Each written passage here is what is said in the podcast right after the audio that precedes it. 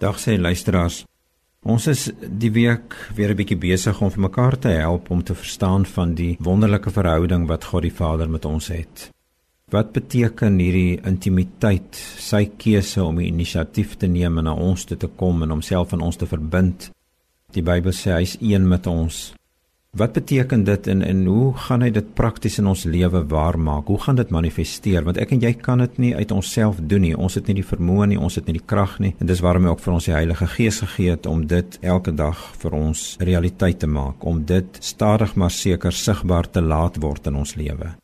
Nou ek hoor hoe iemand sê as jy nog nie dood is nie, is God nog nie klaar met jou nie. En dis 'n sinnetjie wat my geweldig aanspreek. Met ander woorde, ons hele lewe lank tot op ons sterfdag, nee, nou kan jy sê te midde van die grootste hoogtepunte in ons lewe, mooi momente, groeipunte wat ook al, maar ook in ons laagtepunte, nee, miskien 'n siekbed of ons gaan deur 'n rouproses met seer en pyn en teleurstelling wat ook al.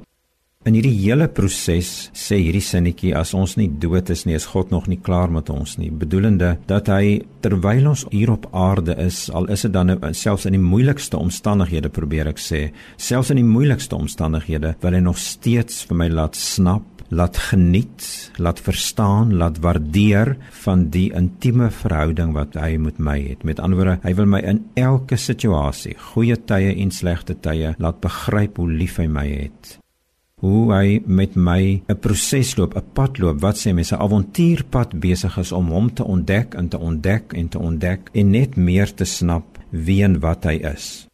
So die feit dat hy nog nie klaar is met my nie beteken nie hy wil nog 'n paar goed uitsorteer nie. Ja waarskynlik dit ook, maar hy's nie klaar met my nie in die sin van hy wil hê ek moet nog 'n klomp goed van hom ontdek. So sien die positiewe selfs in jou pyn. Hy wil hê daar's nog solank ek op hierdie aarde is, daar's nog fasette van sy grootheid en goddelikheid en heerlikheid en enigste God wees. Daar's nog van hierdie fasette wat hy wil hê ek moet ontdek.